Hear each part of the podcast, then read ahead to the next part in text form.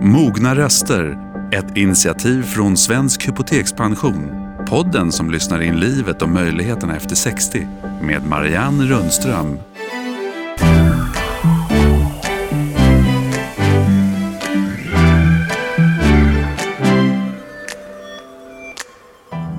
Ja, vårligt välkomna hörni. Det har varit en lång väntan men nu står valborgsmässohelgen när vi hälsar våren för dörren och jag tänker att jag ska sjunga högre än någonsin om att vintern har rasat ut. Nu sticker chipporna upp ur den frusna marken och kanske kommer en av landets största författare, Jan Guillou, att överraska er med hur mycket möda han kan lägga ner på att få ihop en liten vårbukett till hustrun. Det skriver han också om i den nya boken som är en slags hybrid mellan agentroman och utlämnande dagbok som också handlar en hel del om hur det är att bli äldre i ett land med ganska knepiga attityder. Säkert står också blå och kanske också vitsipporna i blom i Marika Delins undersköna skogsträdgård där vårstädningen är i full gång och dit ska ni få följa med om en liten stund.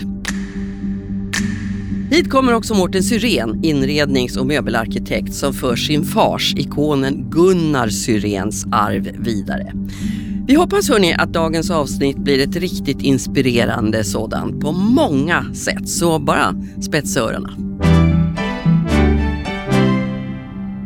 Varmt välkommen till Mogna Röster Jan Guillou.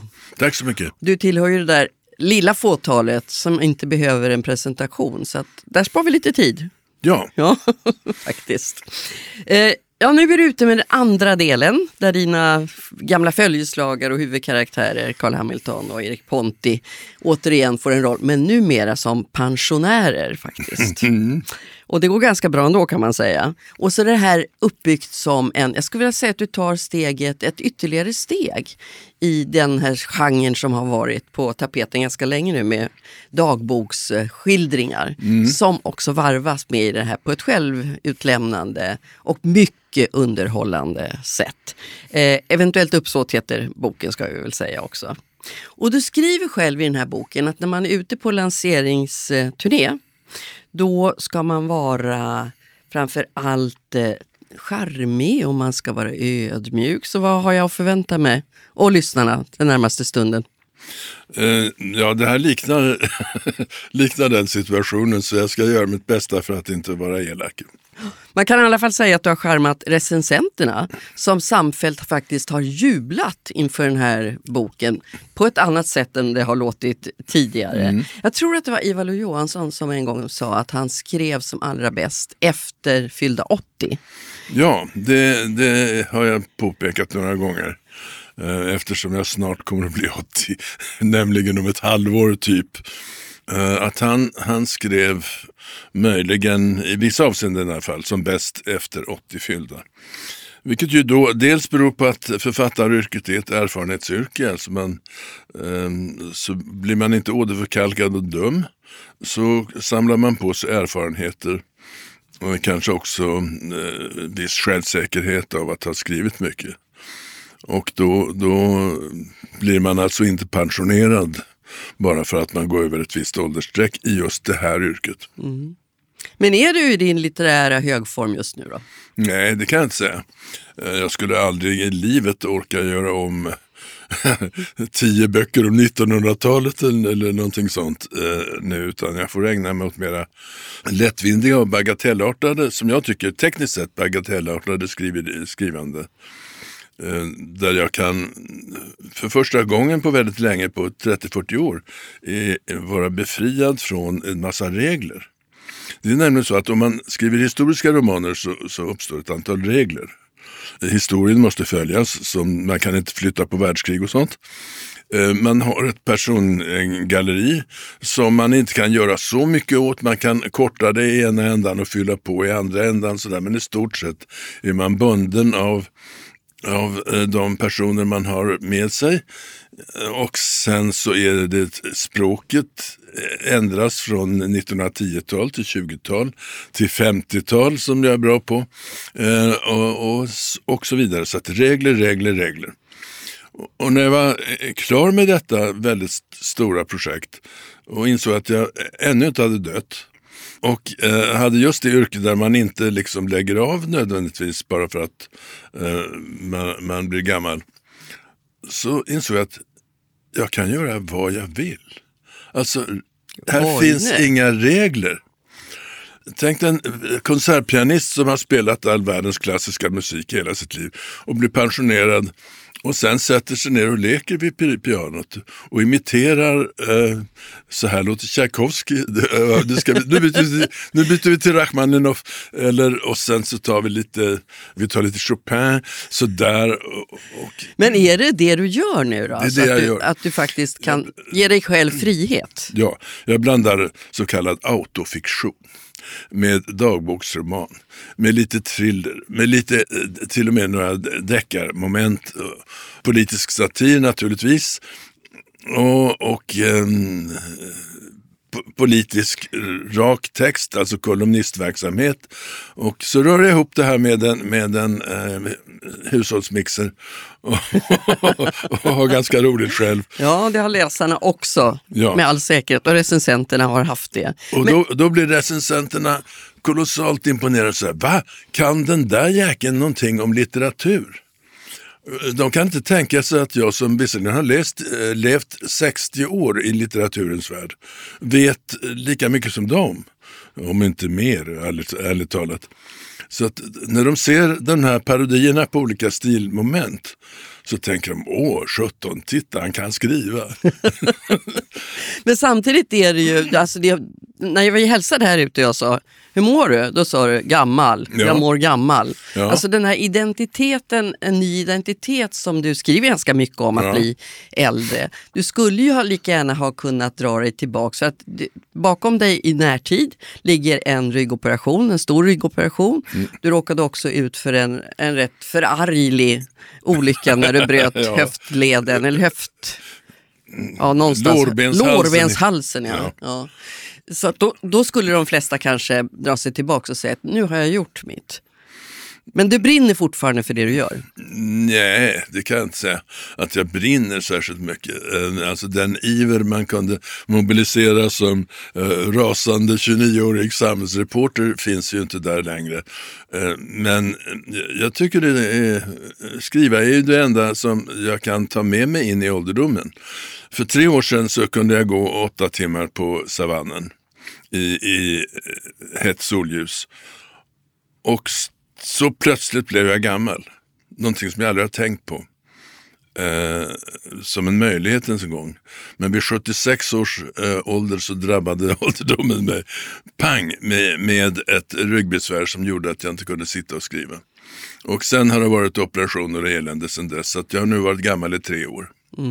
Nu överför du det lite grann på dina karaktärer, Hamilton ja, och oh ja. Ponti här. Naturligtvis. Delad plåga kanske är skönare. Men du, en av de här plågorna på ålderdomen som du skriver om och som jag blir nästan rörd över faktiskt, det är det här som du kallar för blomplockningssmärtan. Ja. Det vill säga att betvinga all smärta, försöka ta sig ner till marken, plocka de där blåsipporna som ju blommar just nu. Ja. De, snart kommer de lite mer lättplockade vitsipporna, för de ska finnas i en litet snapsglas när eh, hustrun, som du hela tiden Ja. kallar henne, kommer ut till landet i fredagsmiddagen.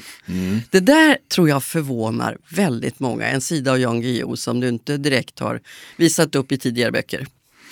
Nej, men alltså jag har ju jag har, inte fått utrymme för naturen eh, som jag ändå eh, har levt i sen jag var... Jag började samla fjärilar vid åtta års ålder och till min mors förskräckelse ormar vid elva års ålder. Eh, och eh, sen har jag varit då fältbiolog, allt, fågelskådare, allt sånt där. Och det har aldrig blivit utrymme för, för, det, för det jättestora intresset. Jag har jagat 10 år i Sibirien, 20 år i Afrika. Jag har aldrig kunnat eh, använda de kunskaperna. Nej, inte, aldrig ska jag inte säga det. En gång fick jag nytta av det när jag skulle skriva faktiskt om Afrikas eh, järnvägsbyggen på 1910-talet plötsligt eh, fick jag eh, någon sorts nytta av det här stora livsintresset. Men eh, det försvinner ju nu också för jag kan inte gå. Jag kan inte gå, gå ut i naturen längre för det gör för ont. Mm. Men du plockar de här sipporna ändå? blommorna ska det plockas. är viktigt. Mm. Blom, blom, och det gör jäkligt ont. Och de, de jävligaste blommorna är blåsipporna. Därför att de är så känsliga.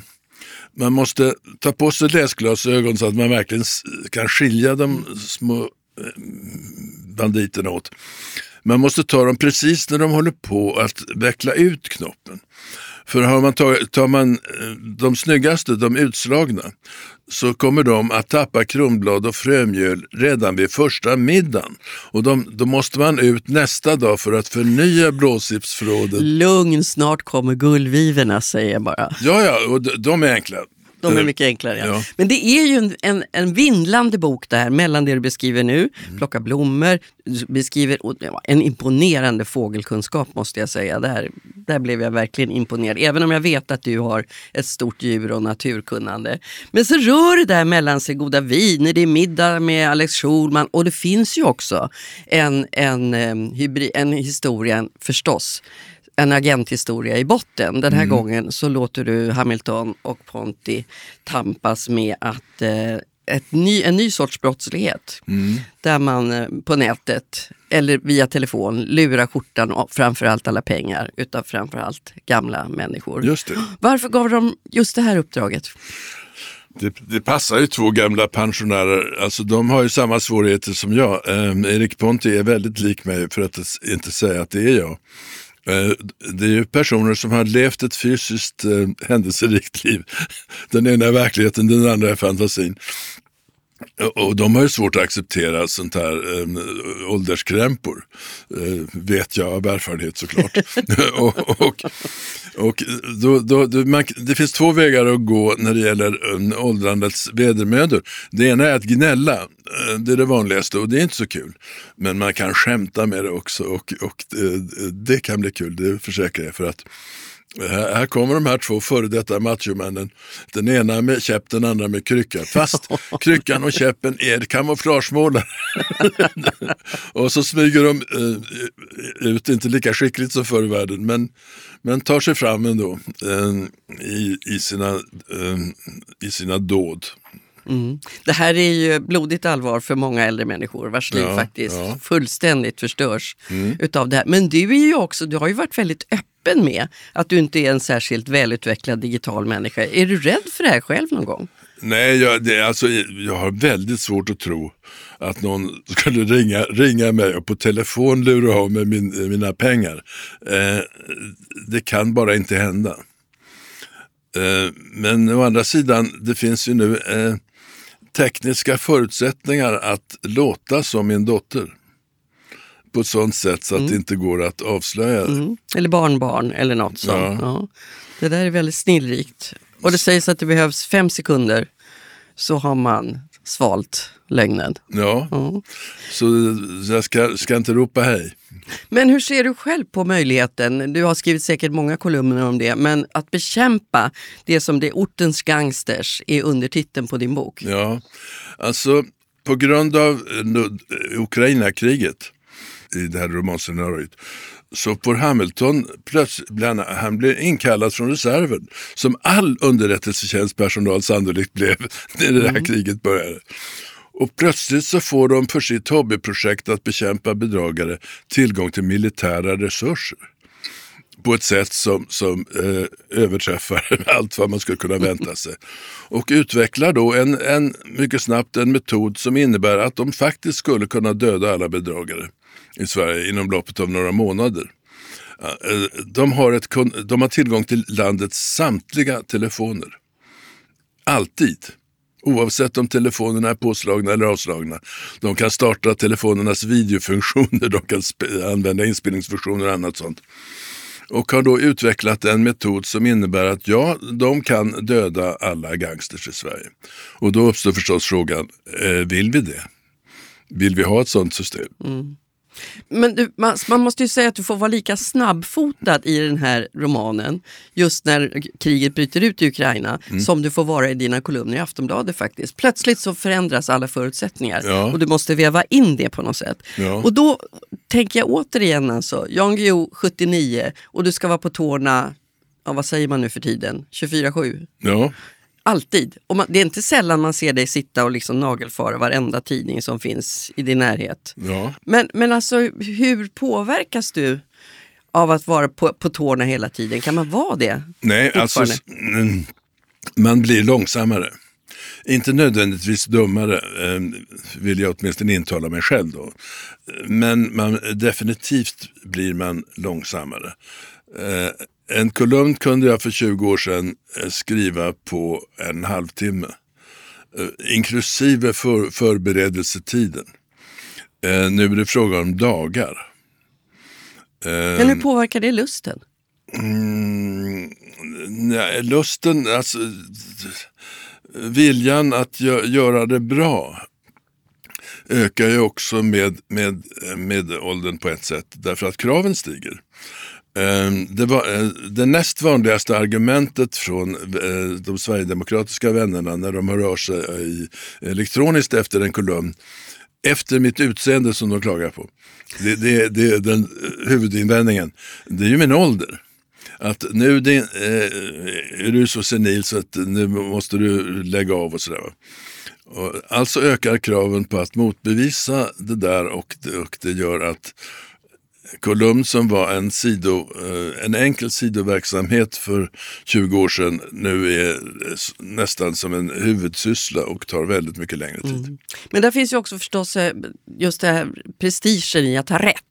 Och då tänker jag på det, alltså jag tror det var någon dag innan Ukraina-kriget bröt ut och du satt hos Malou i fyran, du skriver om dig själv här Ja. också, och sa att det är inte en möjlighet, det kommer aldrig att hända. Det var ju gott sällskap måste man säga. Ja. Men är det lättare eller svårare att, att ta att man har fel? Nej, men om man har fel på ett så pass komiskt sätt så är det ju eh, lättare att, att erkänna det. Eh, det är ju roligt att sitta dagen före krigsutbrottet och säga nej, alltså det är så irrationellt att, eh, jag menar, Putin må vara en gangster men han är ju inte idiot. Eh, eh, va, vadå? Ukraina har 44 miljoner eh, invånare. Eh, hur ockuperar man ett sånt land? Det går ju inte, det förstår ju vem som helst. Ehm, och det där är, ju- det är logiska argument, det finns, det, de är så att säga inte dumma, det är bara det att det är fel. Men det är väsentligt. Du, vid sidan utav världsutvecklingen och eh, så, i den här boken så skriver du ju väldigt mycket om eh, ditt eget liv, någon slags dagboksanteckningar också, där du är väldigt självutlämnad faktiskt. Många svagheter som, som du öppet redovisar där. Hur, varför valde du den vägen? Därför att eh, eh, män, framförallt män i min ålder, när de ska eh, summera sitt liv bygga gravmonumentet, eh, framställer sig själva som eh, betydligt mer strålande än vad de sannolikt var. Och eh, som en reaktion på det så, så skriver jag lite tvärtom om eh, egendomlig småaktighet. Så där man kan reta upp sig på de mest löjliga detaljer i omgivningen. Eh, vilket man då visligen inte ska säga offentligt för att man skämmer då ut sig. Men, men den typen av, av, av eh, så att säga, antimonumentbygganden, till skillnad från eh, särskilt mediavärldens män när de skriver memoarer, jävlar vad bra de var. Alltså, eh, är ju också roligt att, att eh, ägna sig åt. Skriva tvärtom. Men här handlar det ju mycket om, om svagheter som är kopplade till att bli äldre. När du hade gjort din höftledsoperation så beskriver du hur din norska läkare ringer för att höra hur det är ställt. Men han ringer inte till dig. Han ringer till din fru och frågar. Ja. Så hur ser du på att äldre, hur ser, tycker du att äldre behandlas? Märker du av en skillnad? Ja, jag är nog mer skyddad än de flesta åldringar eftersom jag är en igenkänd person. Jag kan ju inte beställa taxi. Eh, så att eh, min fru beställer då med sån där, sån där apparatur. Ehm, så taxichaufförerna tittar på mig eh, förvånat när jag stiger in och säger ja, ja, det är jag som är Ann-Marie. Eh, eh, när, när jag sa det igår så sa så, så, taxichauffören nej, nej, du är Jan Guillou. Försök inte. Ja, så okej, okej, okej, men det är Ann-Marie som är min fru. Nej, jag, jag, jag blir inte, antagligen inte en lika löjlig åldring som andra i min ålder därför att jag är igenkänd. Mm. Ett skydd på ett sätt. Det är skydd. Du, vi har redan pratat om det, men det är gott om djur och natur i Jan Guillous liv och i Jan Guillous böcker. Mm. Eh, du har en historia här om dramatiken när en kronhjort i ditt eh, hjorthägn mm. eh, avlider eller mister livet. Och du funderar över hur lång tid det kommer att ta för en ny kronhjort att etablera sig i samma position. Ja. Och så tänker du och funderar kring nio år kommer jag att leva då? Mm. Hur tänker du framåt? Ja, mitt hägn ehm, eh, plundrades av eh, entusiastiska jägare i trakten som vill demokratisera kronhjortsjakten, tror jag man skulle kunna säga. Eh, I förra veckan så kom det nya kronhjortar som jag då eh, köpt från samma källa som mina gamla som jag haft i 20 år. Och då är frågan, när jag ser de här kalvarna löpa ut där, kommer jag se dem vuxna? Det vet jag inte. Mm. vad väcker det för tankar?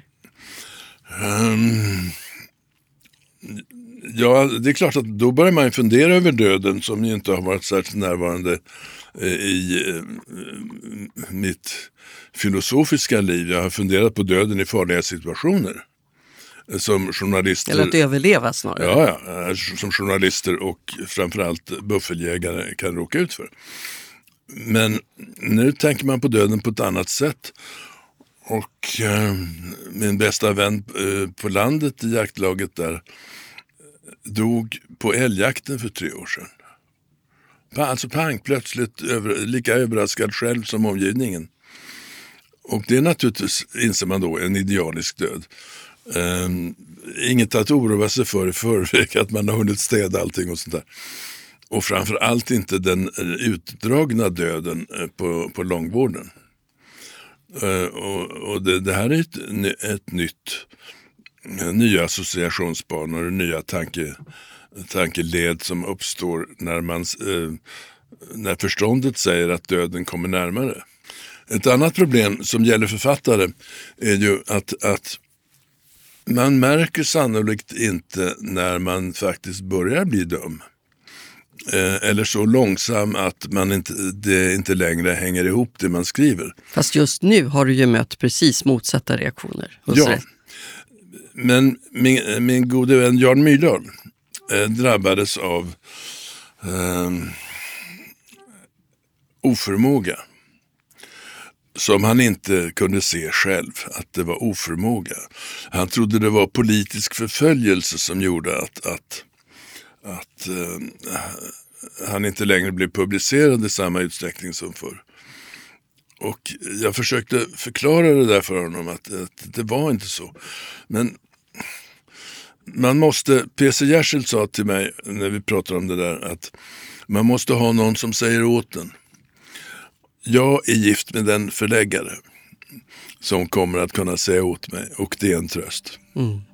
Och hur länge orkar Hamilton och Ponti ånga på då? Eh, inte en aning. Det beror ju på vad min förläggare säger. Tusen tack för att du kom till oss idag, Jan Guillou. Tack själv. Vi lyssnar på landets mogna röster.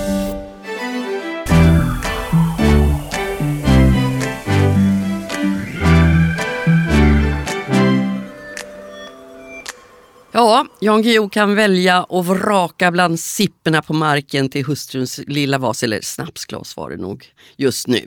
Det är en underskön tid verkligen. Och vi ska stanna bland växtlighet och trädgård en stund nu när jag hälsar nästa gäst Marika Delin så himla välkommen hit. Trädgårdsformgivare, Mm, eh, som anlagt en egen skogsträdgård mitt i ett ganska tättbebyggt område ja. i Stockholm, mm. utanför Stockholm. här. Ja. Och den där trädgården ska vi prata om och låta oss inspireras av nu. Mm. Du, våren är äntligen här. Sällan har jag längtat så mycket måste jag säga. Men när börjar vårsäsongen för dig? Eh, den börjar så fort det går att skära ner perenner, som ligger och skräpar. Så att det har varit innan de här olika snöovädren. Då har jag varit ute och eh, skurit ner med sekatör och häcksax faktiskt. Grovarbetet är gjort? Nej, det fortsätter för min trädgård är så stor. Ja. Och sen har jag personal som sköter kundträdgårdar också. Just det, Mm. du designar också andra människors trädgårdar. Vi kommer till det så småningom.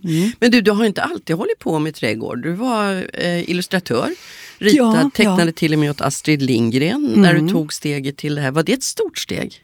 Eh, egentligen kanske inte så mycket för jag ritade väldigt mycket blommor och djur och var väldigt miljöintresserad då.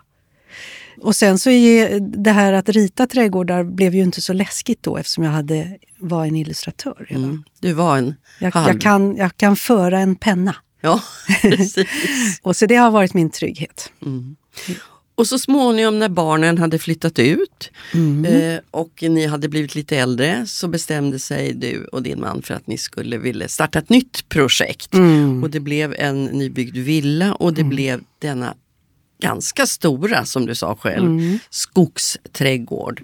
Men den var helt, eh, ja den har ju anlagt själva. Var Mm. det där en bra tid i livet att sätta igång med något så stort? Många andra gör ju tvärtom, att man flyttar ifrån villa och Ja, eh, men vi bodde i en bostadsrättsförening med en liten eh, trädgård. Och den trädgården gjorde jag väldigt snabbt färdig. Och sen, eh, min man är keramiker och han hade en jätterolig verkstad som han fick gå till varje dag. Och min verkstad var liksom lite färdig och då kände jag att jag gärna ville ha ett större projekt faktiskt. Och så skulle jag gärna vilja ha ett hus för bara honom och mig och, och våra arbeten och våra barn och barnbarn när de kommer. Men ett skräddarsytt hem för oss, det drömde jag om. Och nu är drömmen förverkligad. Ja. Vi hittade en skogstomt som hade varit obebyggd och som är sluttande. Eh, och eh, den, den hade, det fanns massa olika träd där men, men det fanns ek som hade stått tillsammans med granar. Och det hade gjort att ekarna växte sig höga och smala. Eh, och när man tog bort granarna så såg det kanske lite lustigt ut med de här skrangliga, kan man, eller gängliga ekarna. Men jag har sparat dem i skogsträdgården för att få ett lövtak där uppe. Mm. Det silar ju, Ja. Silar ju ljuset så snyggt. Mm. Och det är också undertiteln faktiskt på den bok som du har skrivit om den här. Mm. Silande ljus och vandrande skugga, så poetiskt vackert. Ja, Ja. eh, just det. Så heter, boken heter Min skogsträdgård och så den där undertiteln då. Och eh, det handlar ju just om att eh, på våren i en skogsträdgård i en lund så finns det många växter som, eh, de marktäckande växterna som man använder ofta i en, i en lundmiljö, som det här är, de blommar ofta eh, på våren innan eh, löven kommer på träden. Och sen blir det lite för mörkt för dem. Så att därför så är marktäckande växter i allmänhet eh, vårblommande. Och sådana har jag ju då på marken här i min skogsträdgård. Då har du redan beskrivit lite grann Mm. vad en skogsträdgård är. Jag hade faktiskt aldrig hört begreppet en gång. Nej. Men, men kan, kan man göra en skogsträdgård av vilken tomt som helst?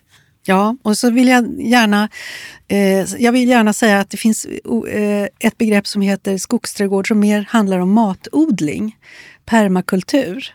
Och det tycker jag är jättespännande, men där handlar det ja, nästan bara om det. Och min skogsträdgård är någonting som mer handlar om en estetisk eh, miljö som är vacker att vara i, alltså, men också har en del inslag av eh, ätbara växter i sig. Det finns det verkligen, till exempel amerikanskt blåbär och sådana buskar. Och din fråga var, kan man göra en skogsträdgård på vilken tomt som helst? Mm. Och då kanske jag skulle säga att eh, man kan alltid göra en liten lundmiljö under några äppelträd. Det kan man verkligen göra. Men en skogsträdgård kanske passar bättre där, där det finns skog i närheten. Så kan jag tycka. Jag låter omgivningen styra vad jag gör för trädgård. Och huset får också styra vad det är för trädgård som ska bli där. Så jag menar, är man, är man i Äppelviken till exempel, då kanske jag mer tänker på jasminer och pioner och, och, sådana växter och under fruktträden än jag tänker på skogsträdgård. Mm, Om det inte är, förutsättningar. ja, det, om det inte är en, en tallbacke. Mm. Jag tror att jag har förstått det där nu med, med den silande ljuset, Mm. mera höga ekar och så. Men den vandrande skuggan då, för då är ju lövverket väldigt högt upp. Mm. Hur, den vandrande skuggan, Ja, alltså hur alltså- skapar man harmoni mellan de där höga träden? Och, Ja, alltså för att få lite mer skugga då, eh, för det behöver man verkligen ha i den här trädgården. Och även, man behöver ett mellanskikt. För att det blir så mycket växter nere på marken i, i stora planteringar och smala gångar emellan de här planteringarna. Men man behöver också ha någonting som kommer mellan eh, lövkronorna och marken. Och då brukar jag säga att det är bra att ha eh, buskträd, flerstammiga träd. För att i naturen så är de flesta, ja, om man går i en hasselskog eller någonting så är det ju flerstammiga träd. Så att det passar väldigt bra att just välja flerstammiga magnolior och flerstammiga eh, syrener om man skulle vilja ha det i sin skogsträdgård. Eh, eh häggmisplar och sånt. Rönnar, vad du, vad du vill. Allting. Välj det flerstammiga för att det är mer, känns mer naturligt. Mm. Det finns massor av sådana råd i din mm. bok faktiskt. Och också ja också väldigt mycket eh, råd om specifika växter mm som passar på olika platser mm. och som mm. har olika krav för att växa sig stora och kraftiga. Mm. Eh, men den där blandningen mellan det som ju är det vilda i trädgården. I en mm. skog är det mycket vackert som, mm. som kommer där. Hur, hur harmonierar man det med det man köper in och som ska trivas tillsammans? Ja, alltså det är som att rita vilken, vilken trädgård som helst måste man ju försöka få Eh, man måste eh, se till att man väljer växter som trivs med varann. Och, eh, så det är liksom att bläddra till de sidorna i boken, så att säga. Eller om man har det som yrke som jag har, att liksom tänka sig, okej, okay, om jag vill ha ett parti med rhododendron här, vilka, vilka andra surjordsväxter väljer jag under dem? Och det kan till exempel vara amerikanskt hönsbär och olika ormbunkar och olvon och sådär. Mm. Eh, men i en annan del av trädgården så kan det vara lite, lite mer neutralt. Eh, växter som gillar en neutral skogsmark som jag tycker att det är hos mig under ekarna där. Det är mycket sippor, blåsippor. Ja, vackert det måste vara just nu. Ja, blåsippor, gulsippor, vitsippor och även färgade vitsippor. Och blåsippor som har andra färger, så det är ganska kul. Backsippor kommer nu också. Oh, mm. De är så mm. vackra. Men när du beskriver den här nu, man skulle ju verkligen önska att vi hade bild i den här podden just nu faktiskt. För det är så fina bilder. Mm. Men när du beskriver det här nu så kan man ju lätt få för sig att en skogsträdgård, den sköter sig nog själv. Ja, i mångt och mycket så gör ju faktiskt marktäckarna det eh, själva. Det är några av dem som är helt fantastiska, som till exempel sockblommorna. Epimedium heter de på latin. Eh, och de bildar stora kolonier som är, de är så aggressiva i sitt växtsätt faktiskt. Så att där får man hålla undan eh, om man vill plantera in någonting annat. Där får man liksom ta bort lite sockblomma ibland. Men har man, en, har man stora ytor och vill täcka dem med, dem med någonting som har väldigt vackert bladverk framför allt. Och så blommar de fint också i olika färger. Eh, I olika man, färger? Ja, alltså det finns olika sorter. Mm. Mm, från vitt till eh, rött. Liksom. Och, eh, man, men man har dem mest för att det är ett fantastiskt bladverk som täcker marken och du rensar ingenting där. Oj, det låter som man skulle ja. plantera överallt. Ja, fast då kan man tycka att oj, inte för mycket sockblomma för då, om det är en liten tomt, då skulle jag vara lite försiktig för att den är som sagt tuff. Ja. Man får välja, det finns andra också. Ormöga är lättodlad, eh, myskmadra. Eh, vintergröna förstås, den kan bli lite ogräsartad eh, också. Eh, men man ska vara tacksam för de här växterna som är lite eh, expansiva för det är då man får en lättsam trädgård att köpa, eller att sköta menar jag. Ja. Um, och på tal om det, mm. snart så står vi där med våra gräsklippare allihopa och så svär man över när det är bra förutsättningar och var tredje dag så är det någonstans det ska klippas och sådär. Mm. Du har varit bort gräs helt och hållet. Ja, Ja, det, fanns har... ju ingen, eh, det, fanns, det var ju en sluttning, en, en ås. Vi bor en, på en ås där vi har grävt ner vårt hus så att säga. Eh, så att det är enplans från ena hållet. Det är ett suterränghus helt enkelt. Och eh, i den där sluttningen så hade det inte bott någon. Så det var ju en skog. Och det finns ingen anledning att ha någon eh, gräsmatta där. Det är grusytor istället som lugna plan.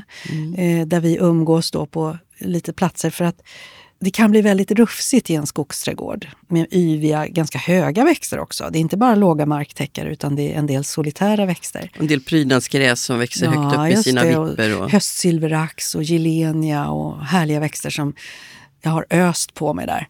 Och då krävs det lugna plan och då har jag valt eh, grus, eh, ett natursingel som är mm, från Mälardalen och jag har också vissa stråk med eh, täckbarks och flisgångar för att inte få för mycket grus att sköta. Det är något med de där gångarna som gör... Mm. Det blir, rum liksom. Ja. Lite här. Ja, väldigt, väldigt fint faktiskt. Mm. Men du, nu är du ju ute också och uh, gör andra människors trädgårdar mm. och ritar dem åt dem. Uh, och om jag gissar då på önskelister mm. så skulle jag tro att uh, Ja, poolen kanske står mm, överst står och stora högt. trädäck omkring. Ja, eller, eller vackra stenläggningar. Ja. Mm. Och sen tror jag att nummer två är ett växthus. Mm, det är ju många som vill ha, men allt det här är väldigt dyrt. Ja. Så att eh, man kan göra väldigt mycket med, med, mer med växtmiljöer just. Alltså jag tänkte bara, vad, vad kan toppa mm. önskelister i trädgården? Och då tycker jag, man, ser man sig omkring mm. så är det, det, växt, det är jättemycket växthus mm. i alla storlekar. Ja. Gärna sådana man kan sitta och ja, dinera i. Mm. Men ni har ett växthus själva? Ja, vi, vi har ett stort, det är faktiskt 30 kvadratmeter så det är som en liten Oj. lägenhet. Men vi odlar eh, jättemycket runt om, eh, liksom i bänkar längs med hela väggarna. Eh, och sen har vi ett stort bord i mitten där vi kan både jobba med växter och äta lunch och middag. Mm. Så har vi en kamin också. Ja, det är ju bra. Ja. Så vi kan sitta kalla vår höstdagar eller höstdagar. Det är väldigt mysigt att äta luncher där när, liksom, när alla andra inte kan vara ute. Mm. Då är det jättehärligt. Mm. På sommaren så går man inte in där för att äta. Då är det Nej, alldeles för varmt. Det, det förstår jag. Ja. Ja, men det är en sån där plats som man, jag tror alla drömmer lite om att ja. sitta i ett växthus. Alla årstider. Levande ljus eller du vet att solen... Det är jättehärligt. Det är väldigt härligt att, att gå in där. Jag har som en egen jag har en liten eh, morgonrutin att jag går dit och bara håller på och diskar lite plastkrukor och planterar om någon liten, eh, några, några små växter. Alltså jag står och lyssnar på radio där inne på Börjar helgen. du alltid din dag i trädgården? Nej, men på helgerna så gör jag det. Så fort jag kan så är jag där ute. Ja. ja. Prata med växterna. Ja, absolut. Mm. Det, det, går inte att ta miste på ditt eh, stora natur för, eller intresse för natur. Nej. Var kommer det ifrån? Min kära pappa. Eh, Anders Delin som var botanist och skyddade skogar och räddade en älv, Voxnan var han med och rädda. Stor trädgårdsälskare och likaså min mamma och eh, min faster och många i släkten. Mina syskon är jätteintresserade också. Mm. Vi är alla väldigt naturintresserade. En min farbror är ornitolog. Och, jag menar, bo, pappa var ju både läkare och botanist. Så att det, jag har fått, det, det, har varit min skola kan jag säga. Mm. Mm. För jag har ju inte gått i skolan. Man blir så himla inspirerad. Nu har jag ju sett bilderna så att jag, jag vet eh, vilken skönhet du mm. vandrar runt i dina dagar där. Men annars tänker jag just det, vi pratade om det här med att, att börja på ett sånt här stort projekt lite senare mm. i livet. Mm. Vad tror du egentligen är idealträdgården för för 60-plussare. För när ni började med alltså, det är ju jättetunga saker. Det är sprängsten och det är mm. tungt grus och massor, jordmassor. Och... Mm. Men vi har ju haft en trädgårdsanläggare som har hjälpt oss mm. med själva strukturen. Bygga murar och uh, göra jordbäddar och sådär. Mm. Nu menar inte jag att alla ska ny nyanlägga en trädgård, Nej. men vad är idealträdgården tror du som man mäktar med? Du menar när man blir lite äldre? Ja, ja. nu sa jag 60, det är inte så himla gammalt. Nej. Eh, jag fyller 63 och jag orkar jobba som bara den eh, i, i trädgården. Men, eh, men eh, det är klart att på sikt så kommer jag tycka att den är lite väl stor.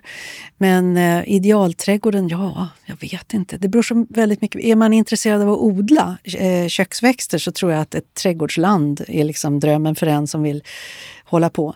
Eh, men annars så kan det ju vara en liten radhusträdgård faktiskt det kan ju vara jättefint. Det är utmanande och roligt att eh, rita trädgårdar tycker jag som är små. Mm. För då får man verkligen tänka till hur man ska disponera allting. En sån som ni lämnade. Ja, precis. Mm. Mm. Tusen tack för all inspiration. En skogsträdgård, mm. ja det är det man ska ha ja, kände jag. ja, det tycker jag. Härligt. Tack så jättemycket tack för att jag fick komma hit. Mm. Hej!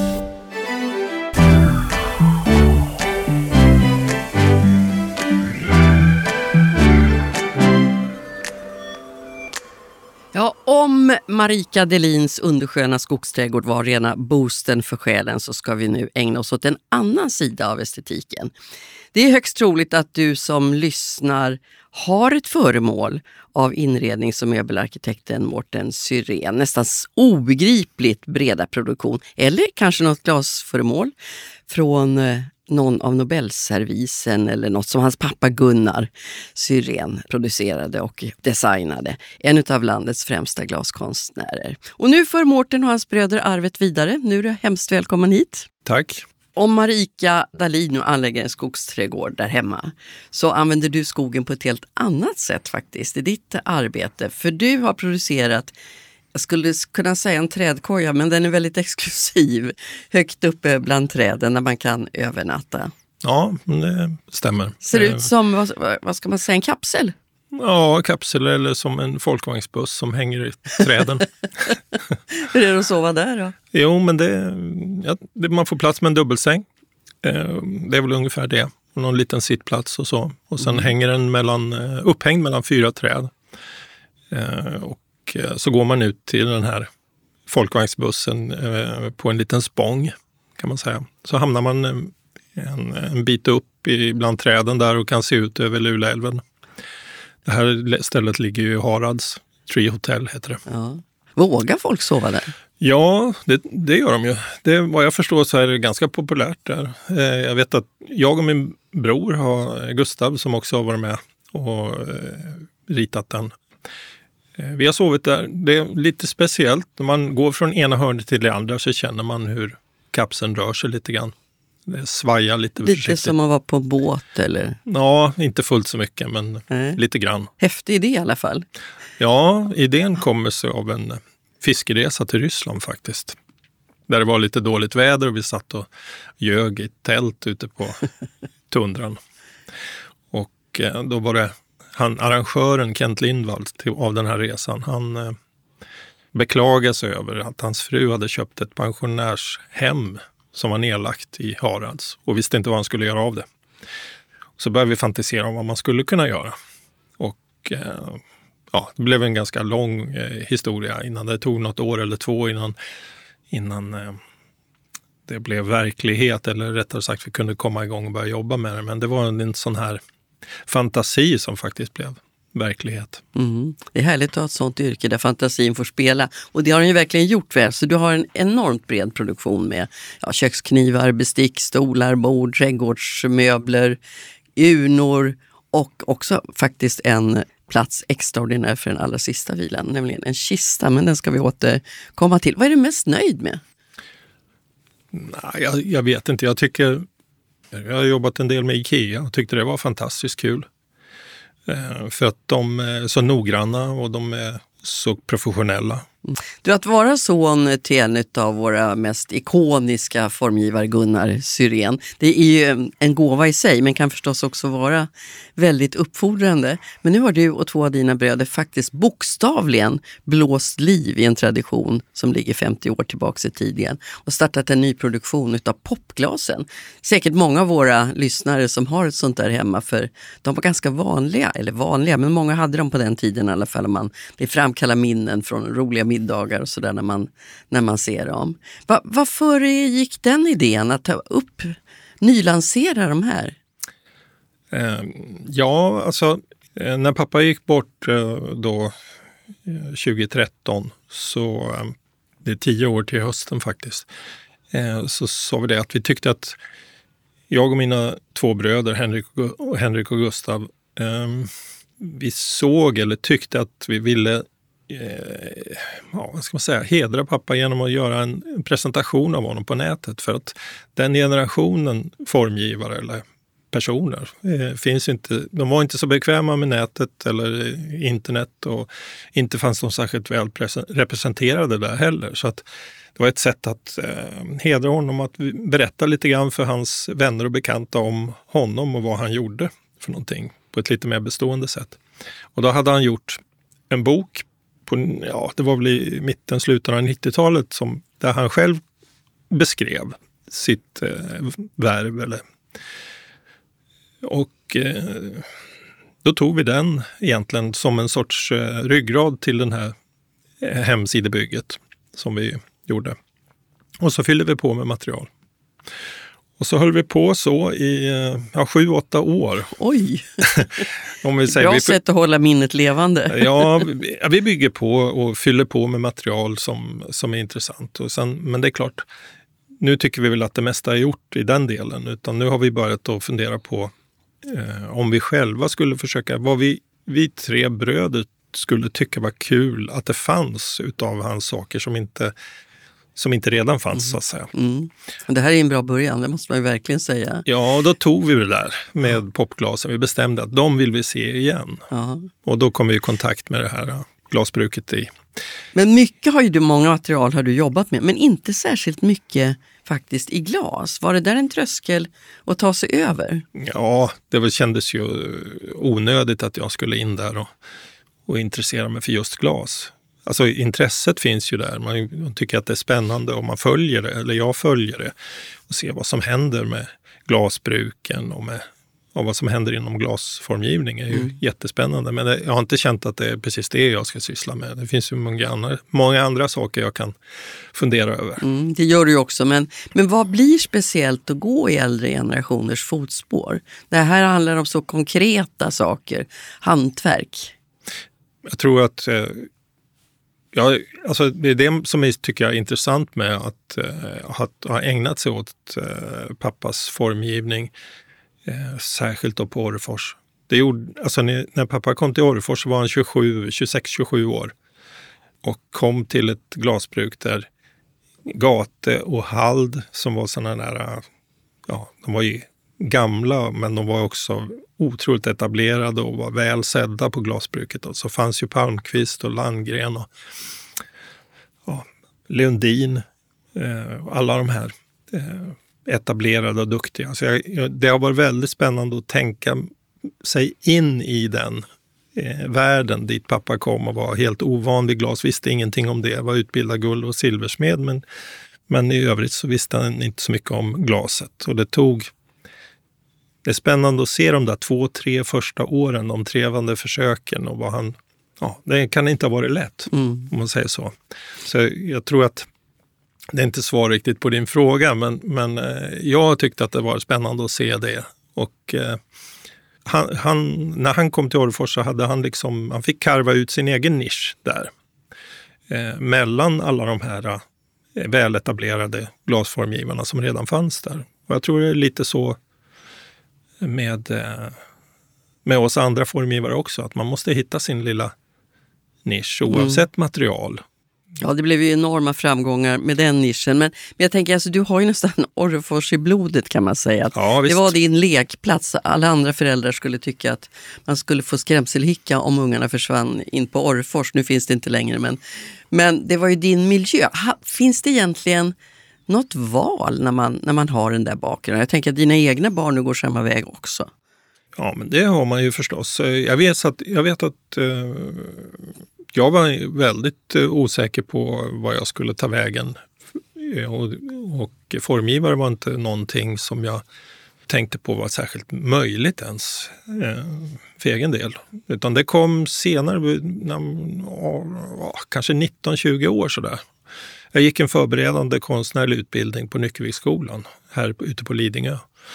Eh, och det var väl mer eller mindre eh, pappa som sa att eh, jag tycker du ska gå där ett år, för det är inte bortkastat. Det är ju någonting man har med sig hela livet, mm. eh, oavsett vad man väljer att göra sen. Men efter en månad där på Nyckelviksskolan så var det ju liksom klippt. Så var du fast? Ja, det kände jag direkt faktiskt. Att, eh, även om inte jag gav mig på silver och guld och, och sådär, så jag hamnade på trä, träfacket om man säger. Och eh, blev väldigt fast i det på en gång egentligen. Mm. Du har gjort en enorm kollektion faktiskt med stolar och bord, till exempel lampor och mycket inredningsdetaljer. Ja, det, det, hänger ihop med att jag är utbildad. Eh, jag kom in på Konstfackskolan på inredning sen. Möbler och inredning som det hette då, mm. året efter. Det var ju, så att det är det området som jag liksom vet någonting om. Så det är därför som jag har sysslat med möbler. Och, Sen har jag försökt att göra lite annat också. Mm. Alltså möbler, stolar och bord och så, det är ni ju många som sysslar med i branschen. Men en lite udda grej faktiskt i din produktion, det är ju, alltså du sa förut att det är tio år till hösten som Gunnar Syrén gick ur tiden. Och då formgav du faktiskt en kista till honom. Ja, precis. Ehm, Men hur gick tankarna då när man ska göra en kista som... Alltså det är ju en väldigt viktig handling. Särskilt om det är någon som står en nära som ska få sin sista vila där. Ja, men det, det, här med att rita kister eller formge kister för begravningsändamål, det, det började faktiskt några år innan det. Så Jag hade kommit i kontakt med eh, ett företag i Falköping som heter Fredals som eh, tillverkar och förser branschen då med, med kister. Och eh, det, jag tyckte att det fanns ett, vad ska vi säga, ett, ett stort behov av att förnya kistornas utseende. Får man det då? Är inte det här en väldigt konservativ bransch? Och även vi människor är i de sammanhangen lite sådär att det ska vara som det alltid har varit. Ja, visst så är det. Det är ju inte så att man på något vis, eh, hur ska man uttrycka det? Alltså jag tror inte att människan är så mottaglig för massa ny design i ett, när man är drabbad av sorg. Det är liksom inte det som eh, fokus direkt. Men däremot så, om man tittar på hur, hur kisterna såg ut på början av 1900-talet, 1910, 20, 30, så såg de ju helt annorlunda ut än vad de gjorde eh, ja, nu då på 00-talet. Mm. Och vad, vad nytt ville du föra in? Ehm, lite mera omsorg i detaljer och eh, kanske ett annat eh, färg och en, en och annan... Jag tror framförallt det, eh, känslan av omsorg och hantverk kanske. För att eh, jag upplevde att eh, de, de kister som finns idag, eller fanns då när jag intresserade mig för det här, att de var lite för förenklade och lite för eh, rationella liksom, i sitt uttryck. Jag har inget problem med att saker och ting är rationellt gjorda men de får inte bli för eh, utslätade och förenklade. Nu har jag ju bara ljud att leka med här. Men kan du beskriva lite grann hur en Mårten Syrén-kista ser ut då, där du väver in allt det du pratar om nu? Eh, Det kan ha, handla om handtagen, hur de ser ut, att man, eh, att man har riktiga material. Jag vet att jag intresserade mig rätt, tidigt för te textila kister. Eh, Att klä kistan även på utsidan i, med textil. Mhm. Och då provade vi med, jag jag vet att jag provade med en hel del olika textila material, alltså olika fibrer. Eh, Linne och ull och, och sådana här saker. Det är som ett fast spårtäcke, kan man säga det? Ja, precis. Istället för att man lackerar kistan med, med eh, ja, blanksvart eller mörkblått eller vad det nu är för någonting så klär man kistan istället i, ett text, i tyg som är färgat. Eh, och det där tyckte jag var, blev eh, väldigt eh, fint. Eh, Det blev som en sorts sista kostym om man skulle vilja det. Så där fanns en, en potential som jag tyckte var väldigt intressant. Men eh, det var väl egentligen bara jag som tyckte det när vi började jobba med det lite mer, i, lite mer noggrant. Sådär. Det är Men också alltså en det- industriell, det är en industriell, eh, hur ska man säga, eh, ett företag som har byggt sin verksamhet på att lackera eh, skivor och kister helt plötsligt ska behöva ändra alltihopa det där. Det, det, är, inte, det är mycket begärt om man säger så. Mm. Men du, från bestick och bord och stolar och, och glas till kista. Är, alltså det är en väldig bredd på den här produktionen. Vad har du för designdrömmar kvar? Eller formgivardrömmar? Jag, jag, tror, alltså jag, jag tänker nog inte så mycket på eh, den sortens... Eh, jag har inte den sortens tankar utan jag tycker eh, ofta så de bästa och roligaste sakerna kommer fram därför att man har roliga och bra samarbeten med dem. Så det skulle vara jättekul att träffa någon som har en intressant produktion, en intressant eh, idé som man kan tillsammans utveckla. Jag har lite några personliga... Jag tycker det skulle vara jättekul att göra ett bestick. Men idag görs det inga bestick någonstans. Inte i, i Sverige i alla fall. Mm. Och jag vet inte om jag tycker att det är så kul att skicka ritningar till Kina eller Vietnam eller vad det nu kan vara. Eh, jag, vill, eh, jag vill gärna jobba nära eh, de som producerar. Det är där jag hämtar inspiration och, mm. och känner mig tillfreds. Eller... Och precis motsatt riktning har ju glasindustrin gått faktiskt först. Ja. En produkt till som jag vill gärna ha med i det här och det är den där lilla supstruten. Alltså, ja. Som är faktiskt en väldigt speciell grej som ska användas vid speciella tillfällen också. Berätta. Ja, eh, det är, alltså jag har intresserat mig i över 20 år, kanske 25, för flugfiske. Och eh, då behöver man ju värma sig lite då och då med någonting när det är kallt och blåsigt. Ungefär som när vi var på, i Ryssland där på, och försökte fiska. Och eh, då gjorde jag en liten, ja, liten strut som man kan hälla, hänga i, en, i ett snöre om halsen egentligen. Och så gjorde jag den där i silver och så förgyllde vi insidan. Och så har man den med sig som ett litet redskap ett, som hänger. Ett litet nubbeglas runt ett halsen. Ett litet nubbeglas utan fot egentligen, fast det är gjort i, i silver. Då. Ja. Det här är, fisket är ett av dina stora intressen vid sidan av allt, all formgivning förstås. Då. Du har till och med givit ut en bok om det man hör ju ofta så här, många män drar iväg på fiskeresor tillsammans och där står man ju långt utanför.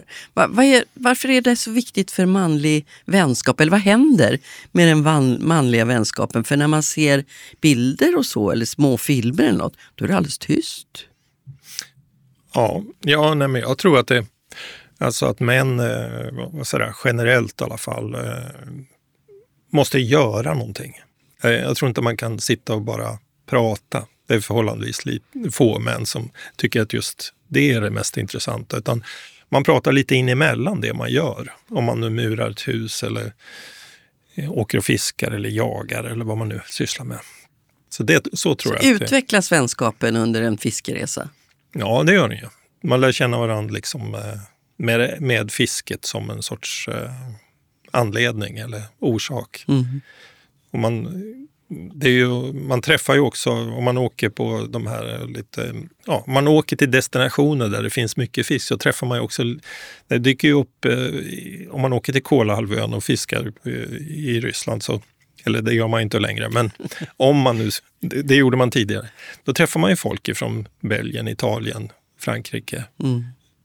En och annan ryss, men också svenska norrmän. Mm. Och det där är en spännande ja, man har ett en gemensamt intresse. Det händer roliga grejer under den här veckan. Och sen så det är kul, man. för just nu pratas det faktiskt väldigt mycket om manlig vänskap. Det kommer flera sådana böcker och så. Så det där är roligt. Där har ni era gemensamma supstrutar runt halsen då, så man kan känna igen ja, vilka som kommer från ditt en, håll. Det är en liten skara som har det kan jag säga. Vad är drömfångsten så här års då? Så här års? Uh, ja, nej men det är väl uh, oftast öring så här års vet jag inte riktigt. Jag är lite osäker på det. Mm. Men, um, vi lämnar det då och vi ja. har fått svar på väldigt mycket annat kring det som du använder ditt liv, ägnar ditt liv åt. Tusen tack Mårten Syrén för att du kom.